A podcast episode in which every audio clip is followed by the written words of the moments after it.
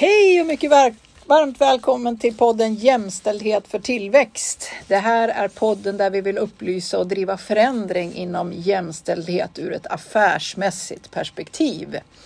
Bidra med tips och idéer till utveckling på området men även tillsammans med er lyssnare lära mer på området, förstå mer om olika perspektiv och utmana oss själva till nya insikter. Allt för att driva affärsmässig utveckling och tillväxt inom företag, organisationer, kommuner och regioner. Mm. Ja, ytterligare ett avsnitt Anna. Vad säger du? Vi börjar väl med att repetera syftet. Varför kör vi den här podden? Ja, nej men just fokuset för den här podden. Det finns ju många poddar eh, som handlar om jämställdhet, men vårt syfte är ju precis just tillväxtperspektivet, lönsamhetsperspektivet, ökad konkurrenskraft. Eh, vi vill bidra till mer framgångsrika företag och organisationer i Sverige Eh, och det gör vi ju då genom medlet att faktiskt markant öka jämställdheten i företag och organisationer. Eh, och det vill vi göra genom att på ett markant sätt faktiskt öka kännedomen och också förståelsen för hur nuläget ser ut precis just nu. Vi vill också ge konkreta tips. Vad finns det för verktyg man kan använda? Hur måste man tänka när det gäller angreppssätt för att driva utveckling inom jämställdhet. Mm. Eh, för för oss är det ju viktigt att inte den här podden stannar vid att bara vara upplysande utan vi vill ju också driva förändring, utveckling mm. till en positiv trend. Mm. Och vilka, vilka är vi då? Jag heter Anna-Lena Strid och jag är VD och managementkonsult på ett bolag som heter Drive Management. Jag har en 25 års erfarenhet av att jobba med organisationsutveckling i olika former. Just nu med fokus på att driva så mycket förändring som möjligt, eller utveckling är ett bättre ord, få till utveckling, hjälpa företag och organisationer att lyckas med sina strategier. Vår specialitet är beteendeförändring och eh, här på det här området behövs det också beteendeförändring i stor skala. Mm, verkligen. Så att eh, där, där hittar ni mig. Mm. Mm. Och jag är Anna Blom, eh, mm. mångårig chef och ledare på, eh, får man väl säga, ganska höga positioner i finansbranschen. Eh, bank, försäkring, eh, finans. Eh, har också suttit och sitter i många styrelser företrädesvis inom samma sektor, då, bank, finansbransch. Då. Mm. Kort om min bakgrund. Mm. Det här avsnittet eh, har jag, höll på att säga, nästan längtat till. Vi, vi kommer att, att djupdyka i myter och vårt omedvetna bias här och vi ska berätta mer om vad vi menar. Vad, vad i hela friden är omedveten bias då och det ska vi förklara. Men vi tänkte att vi börjar i det här med myter. Det florerar ju en mängd myter på jämställdhetsområdet. Så mm. ska, vad säger du? Vi, vi börjar där tänker jag. Eh, det finns mycket myter, det finns mycket valda sanningar och de här tror jag att vi själva har fått höra ganska många gånger när vi har pratat om, om jämställdhet och att vi behöver eh, öka jämställdheten. Eh, en populär vald sanning mm. är ju att det finns inte tillräckligt många kompetenta kvinnor. Det finns inte tillräckligt stort urval alltså. att kvinnor inte vill Mm. Vi kvinnor vill inte göra karriär. Eh, vi vill inte vara chefer. En annan myt eller vald sanning. Eh, att kvinnor måste bli bättre på att ta för sig. Vi kvinnor måste ha mer skinn på näsan är också mm. någonting som man ganska ofta hör faktiskt. Mm. Att kvinnor inte skulle vara lika riskbenägna mm. hörs ganska ofta.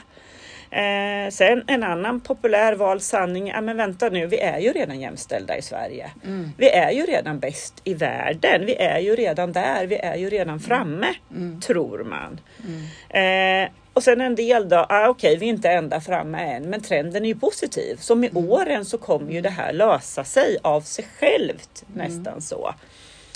Vi kanske, vi kanske ska sticka in och avliva en eller annan av de här my ja. myterna direkt. Alltså på, i vissa avseenden, om vi tar det här med Sverige, i vårt förra avsnitt så, så hade vi uppe målbilden och, och, och Sverige har ju ett uttalat mål eh, sedan 2006 att vara ett jämställt land. Ja. Eh, men, men fakta visar ju att på, på så himla många områden så är vi långt ifrån jämställda. Men vi har goda förutsättningar för att så, vara jämställda. Så är det. Så målet är det ju inget fel på. Nej. Eh, Det, det är snarare nuläget och trenden mot målet som Mm. vi behöver liksom se i, i vitögat hur den ser ut. Då. Mm. Och just det här på tal om att man to, tror, man tror liksom på tiden som någon slags problemlösare. Så tycker jag också ganska ofta att man hör ja men det där kommer lösa sig när dagens unga blir vuxna. Därför Mm. att dagens unga ser på jämställdhet på ett annat och mer modernt sätt. Och nu har det kommit rapporter bara senaste månaderna som visar att det stämmer faktiskt inte. Nej, det, ärvs, i- det ärvs faktiskt i ganska stor utsträckning. Ja, och där avlivar vi väl också kanske då en, en myt till då, då att, att det kommer att lösa sig med tiden. Det kommer- är också en ja, myt. det är också att det kommer att, Men att, precis. att lösa sig eh, med tiden. Precis. Jag vet att du också har eh, hört ett antal saker och, och, och känner igen ett antal myter och valda sanningar. Ja, men vi som- refererar ju gärna till stiftelsen Allbright i, i den här podden. De eh, förser oss ju med eh, massa god, god fakta och i deras näst senaste rapport, den som gjordes eh, våren, jag tror den kom ut maj 2022. Eh, innan dess så hade de gjort en enkätundersökning då till de högsta ledningarna i svenska börsbolag. Och den här besvarades då av en tredjedel av börsens VDR. Och eh, här tänkte jag att jag väljer ut några citat, eh, några kommentarer som, som gavs i, i, eh, eh, som, som svar då i den här enkätundersökningen. Och eh, ett citat eh, från, eh, från en vd-man då, då är att alla vet att män över 50 år är hatade. Eh, och eh, där kan man väl också säga att eh, det, jag vet inte om vi behöver fakta på att avliva det. Men om inte annat så är väl vi två, två, två personer som inte hatar män över, över 50 eh, i alla fall. Eh, det finns också eh, andra, andra citat där som, som jag plockar. Nu ska, eh, nu, ska bara va, nu ska det bara vara kvinnor för styrelseuppdrag. Det. Mm. Eh, och eh, på det temat då. Jag hade haft större chans till styrelseuppdrag om jag varit en kvinna. Så, och här tänker jag att om vi nu ska ta och avliva de här så, så kan man ju säga då att Eh, I eh, statistiken då så ser vi att 88 procent av alla VDR och 73 procent av alla chefer i börsernas ledningsgrupper är män. Ja. Så att det skulle vara hotat på något sätt, Ja. jag menar vi är, vi är långt därifrån. Och om vi tar eh, i styrelse, bolagsstyrelse så är det 36 procent som är, är eh, kvinnor i svenska bolagsstyrelser. Och endast 8 procent är då styrelseordförande. Ja. Så fakta talat sitt tydliga språk i att det finns ett gäng sanningar och trosuppfattningar kring om hur det är. Ja. Eh, eh, men, men det stämmer inte Nej. när man tittar på, på fakta. Sen är det ju såklart att eh, ja, sa vi just i förra avsnittet och du har också nämnt här att utvecklingen går faktiskt inte framåt på det här området. Det står rätt still och, och, eh, och stampar. Däremot är det ju så att allt fler bolag har insett styrkan i blandade grupper. Ja. Eh, och att det, det finns en önskan hos många att på något, något sätt skapa en ökad, div- eh, en, ökad mångfald och eh, en ökad jämställdhet. Så det är klart att diskussionen och dialogen, även om den faktiska siffrorna inte har tagit oss dit, kan ju göra att man upplever som att, att det har ökat någon form av hot här, att min position är hotad. Så kan det vara. Så, kan det, det sku, Mm. så skulle det kunna vara.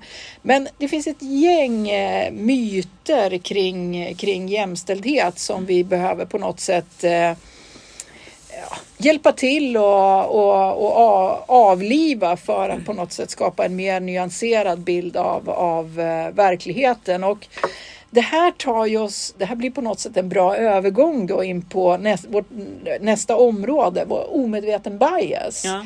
Och ska vi inte bara börja med vad, vad i hela friden är det då? Vad betyder eh, bias för någonting? Ja, men bias är ju ett väldigt bra engelskt ord som egentligen inte har en, en perfekt svensk översättning. Eh, men eh, de allra bästa svenska orden skulle jag säga är partiskhet, det är fördomar, det är förutfattade meningar. Då tycker jag att man hittar ganska rätt eh, någonstans där. Eller, eller som vi också ibland använder, vald sanning. Vald sanning, Och ja, omedveten Och- vald ja, sanning. Ja, det är faktiskt viktigt att säga omedveten. Vi pratar om omedvetna bias. Eh, unconscious brukar man ju Ja. säga på, på engelska. Eh, och när man pratar om bias, och det är just därför som vi faktiskt väljer att använda ordet bias, därför att vi tycker att det, fast det inte är svenskt, så tycker vi ändå att det, det fångar det vi vill åt ganska bra. Ett vanligt begrepp som man hör när man pratar om bias är kognitiv bias. En slags eh, systematisk snedvridning av verksa- verkligheten ska jag säga. Och det kan vara i olika sammanhang. Eh, det kan vara då att min subjektiva bild av verkligheten, den stämmer inte riktigt överens med hur verkligheten faktiskt är. Ja. Ja, men, och det är precis det som är. Jag, jag, jag tror att jag vet hur det är, men, Ja. men det jag vet stämmer inte med Nej, den faktiska nej. verkligheten. Nej, Så många av de här precis. myterna vi, vi räknade upp. Ja. Jag har en Eh, sanning om verkligheten, men den precis, stämmer inte. Och då precis. är jag Ja. omedvetet Ja. bias. Och där får vi väl lyfta fram kanske Donald Trump som något av en expert på det området. Han lanserade ju begreppet alternativa fakta då, vilket väl Mm. faktiskt var en, en form av eh, kognitiv bias kan man väl säga. Eh, och på tal om Donald Trump och USA så finns det ju faktiskt ett sällskap i USA. Eh, bara som ett exempel då som heter Flat Earth Society. Och man är faktiskt väldigt övertygad om att jorden är platt och att solen kretsar kring jorden. Eh, ett annat exempel som kanske mer har att göra med det vi pratar om i den här podden då, det är att nej, men jag är ju en väldigt klok person. Jag är en erfaren och påläst person. Alltså så rekryterar jag alltid på meritokratiska grunder, vilket ju inte stämmer såklart. Vilket inte, inte det, stämmer. det stämmer inte. Men Anna-Lena, du, eh, är du bias? Ja, eh, Eh, apropå djupdyka i det här området och vara nyfiken och vilja driva utveckling så, så är det väl det första vi kan konstatera att jag tillsammans med alla andra eh, på detta jordklot är omedvetet bias. Vi vi ramlar alla i dessa fallgropar och eh, vi, vi, vi ska ta alldeles strax några vanliga fallgropar som man kan ramla i. Jag hade ju förresten ett exempel också i eh, första avsnittet i den här podden där jag eh, när jag berättade om eh, min, min historia som assisterande förbundskapten i Just det. dambandylandslaget. Just det, kläder. Ja, så var Ja. det ju så att tjejerna i laget, i da- damlandslaget då drev på till att eh, vi borde ju få kläder som, som, som sitter bra på våra kroppar och inte går runt i pojk och herrkläder. Och eh, där var ju jag omedvetet bias och sa nej men det går inte och det kostar för mycket och så vidare. Som, som ett exempel där jag stod och höll emot eh, medan när tjejerna drev på det här så mycket riktigt inom något år så hade vi eh, väldigt fina kläder. Så absolut är jag omedvetet eh, bias. Definitivt. Okej, vad, vad, är, vad är omedvetet bias då? Jo, det är ju att vi omedvetet drar nytta av fördelar eller att jag omedvetet är partisk i frågor. Eh, och det här är ju en av de största utmaningarna vi har på området jämställdhet eller vilken annan diskrimineringsgrund vi, vi, vi än pratar om är ju att att det är på omedveten nivå och hjärnan spelar oss ett spratt. Så det är inte av illvilja Nej. jag gör de här sakerna. Eh, jag vet inte det jag inte vet. Jag förstår inte att jag är eh, partisk. Nej. Eh, och därför så behöver vi på något sätt jobba med då att skapa en, en, en ökad medvetenhet. Det är faktiskt så att det finns lite drygt eh, ungefär alltså 170 olika biasfällor som vi kan hamna i, eller fallgropar. Så nu har vi valt ut några stycken här som, som vi, vi kan dra. Eh, och eh, mm, eh, vi börjar med en här, det jag redan tror på-fällan. Eh, confirmation bias på, på engelska då. då. Eh, vad handlar den om då, då? Jo, den handlar om att vår hjärna fungerar på det sättet att vi fokuserar och tar fasta på det som bekräftar det jag redan tror på. Ja, det. Mm. Så det, den världsbild jag har, det som är sant för mig, den kommer min hjärna att vilja fästa fokus på och eh, ta fasta på. Och då är det ju då så, då blir det att det som är norm och det som min hjärna mest är van vid, Mm. det vill jag välja. Ja. Så exempelvis om vi då har en utmaning med jämställdhet på många områden, då är det då så att normen där kommer omedvetet påverka oss att vilja förstärka normen. Mm. En utmaning. Ja, låt oss ta någon till. Vi har ju till exempel stereotypfällan, stereotype bias säger man på engelska. Eh, vad gör vi där då? Jo, vi placerar människor i fack eller vi generaliserar. Ett exempel, folk som spelar golf, det vet man ju hur de är. De har väl eh, rutiga knickers och tvåfärgade skor allihopa. Ja, eller hur? Eller hur? Eller hur? Ehm, för personer från Kina, att de skulle vara på ett visst sätt. De som eh, De är väl alla spioner de är väl alla spioner, precis. De som eh, åker raggarbil, hur är de? Och så vidare och så vidare. Och också just den här stereo- stereotypen, den är också ägnad åt, eftersom hjärnan då är lite lat, att faktiskt förenkla.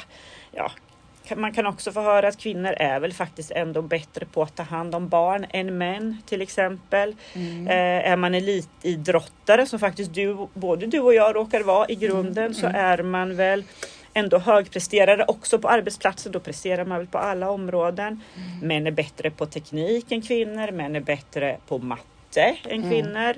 Eh, vita är smartare än svarta kan man faktiskt till och med fortfarande höra. Höra. Höra. Eh, gillarfällan, liking bias. Alltså det av vi av någon anledning gillar, det har vi ju en tendens att gärna övervärdera.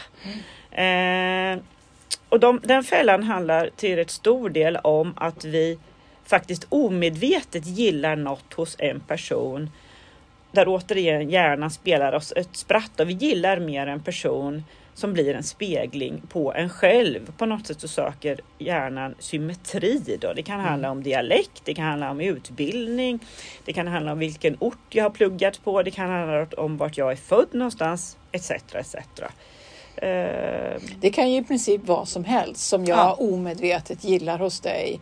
Och det, om, jag, om man, man tänker eh, rekrytering så finns det ju de som också eh, på grund av det här påstår att eh, men man ska inte prata personlighet, det privata, Nej. var man kommer ifrån och så vidare. Utan det ska vara strikt kompetensbaserat. För så Mm. fort du börjar komma in på personligheter så blir det så att jag omedvetet snappar upp saker Mm. och gör att ja, men då, börjar jag gilla, då faller jag lätt i gillarfällan. ja. Gillarfällan. Eller, och i, de här går ju i Ja, varandra. ja, ja, ja, men så är det. Eh, även confirmation bias-fällan, eh, det jag redan tror på-fällan och så vidare. Mm. Så, så fort det blir annat då än, än det kompetensbaserade så faller vi lätt i många av de här fällorna.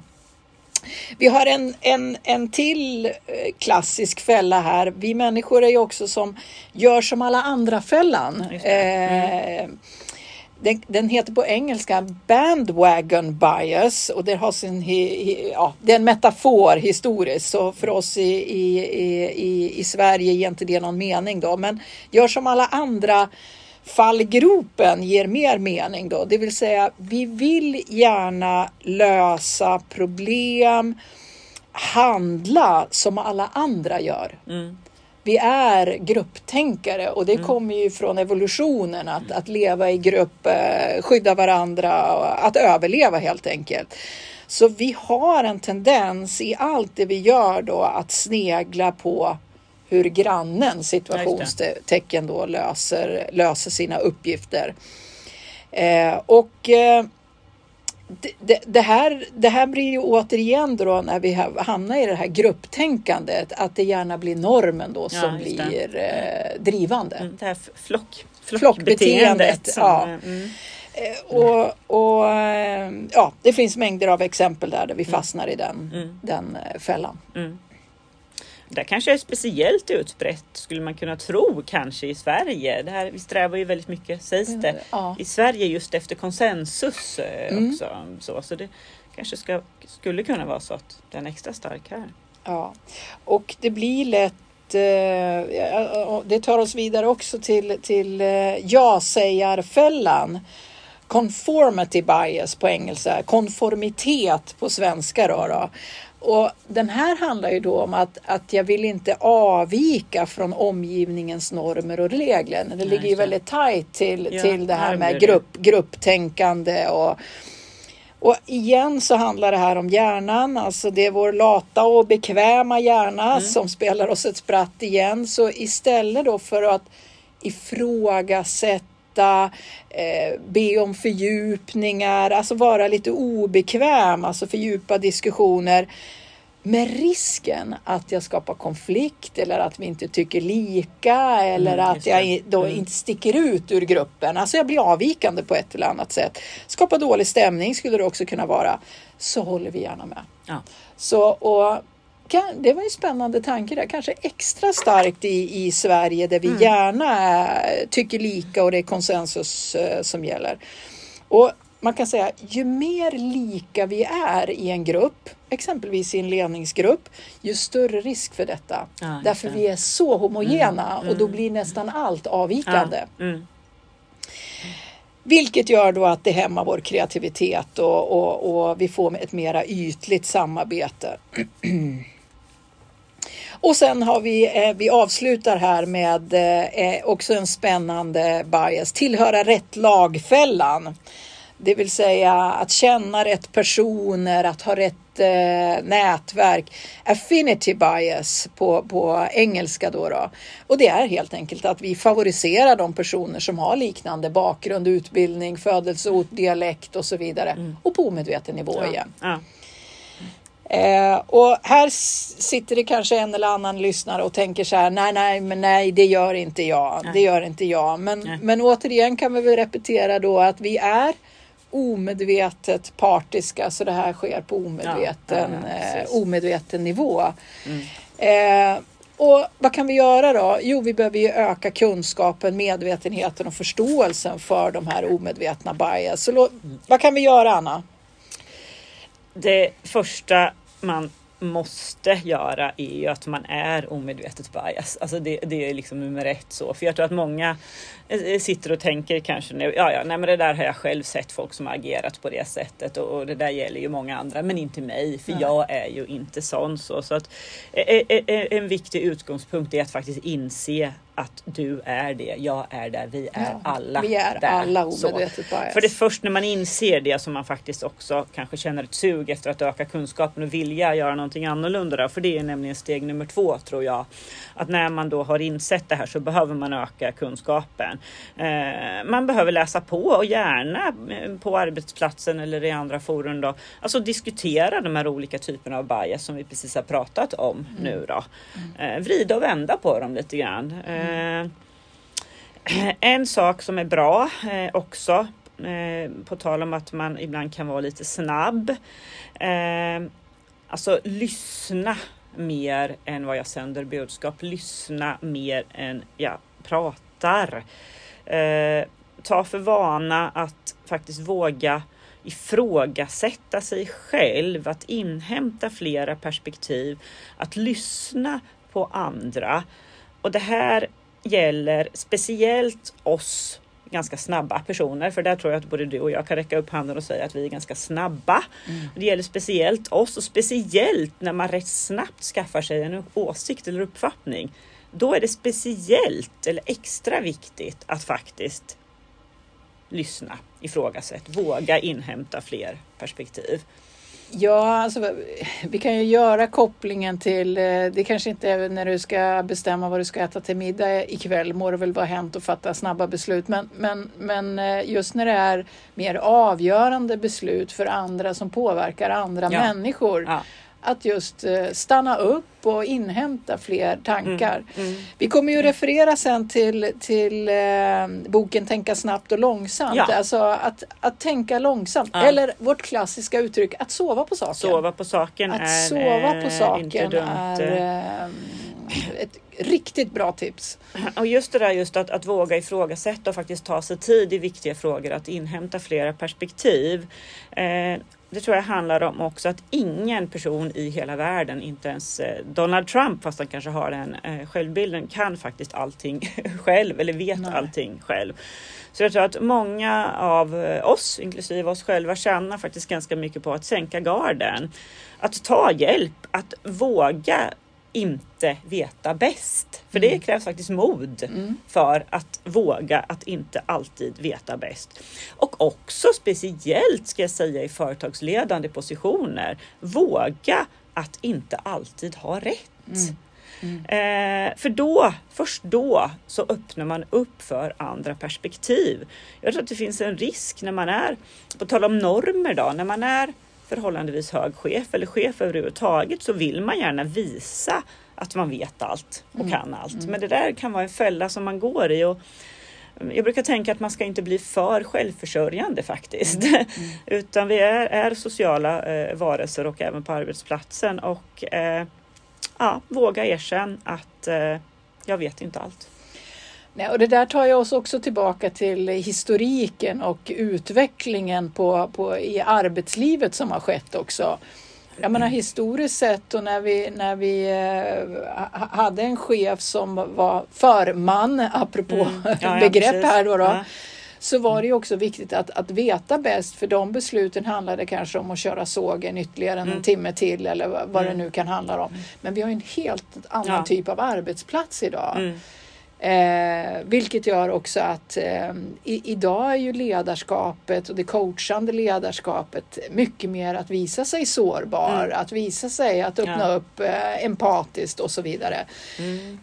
Eh, så det ligger också i tiden att, eh, att, eh, va, att, att jobba med de här frågorna. Precis, och just det här med omedvetna bias, huruvida man har dem eller inte och huruvida man framförallt är medveten om att man har dem. Eh, alltså, det blir ju en konsekvens av om man börjar tänka på det här sättet som vi nu lanserar här, mm. om man får säga det. Så, så blir det liksom konsekvenser i ena eller andra riktningen. Va, Mm. Vad tänker du runt det, Anna-Lena? Ja, men, till att börja med kan man ju, om, om vi kopplar tillbaka till vad, vad omedveten bias är då, så kan man ju säga att bias handlar ju om att ja, ett, att de är omedvetna då, men då, då är det ju då att normen sitter på fördelar som Mm. de är omedvetna Ja. om och Mm. handlar utifrån. Mm. Eh, vilket gör att de omedvetet leder, fattar beslut, rekryterar, ja i all sin handling på något sätt agerar situationstecken orättvist Ja. fast de inte vet att de gör det. Nej, nej. De följer en norm och faller i... i eh, och, och, och vi är ju också Ja, ja. norm. Jag Mm. menar, vi, vi Ja, ja. vita kvinnor i Ja, 50-årsåldern. ja, Vi är väldigt mycket, väldigt mycket norm. Mm. Så vi drar ju omedvetet nytta av våra fördelar. Mm.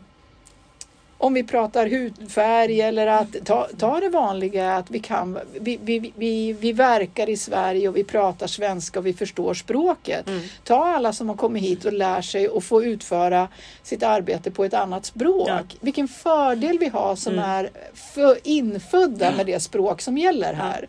Så det finns en enorm massa fördelar som vi kanske inte tänker på är fördelar. Och det är det som är att vara omedvetet bias. Så igen, vi behöver öka medvetenheten. Vi behöver hjälpa till att synliggöra de här omedvetna fördelarna.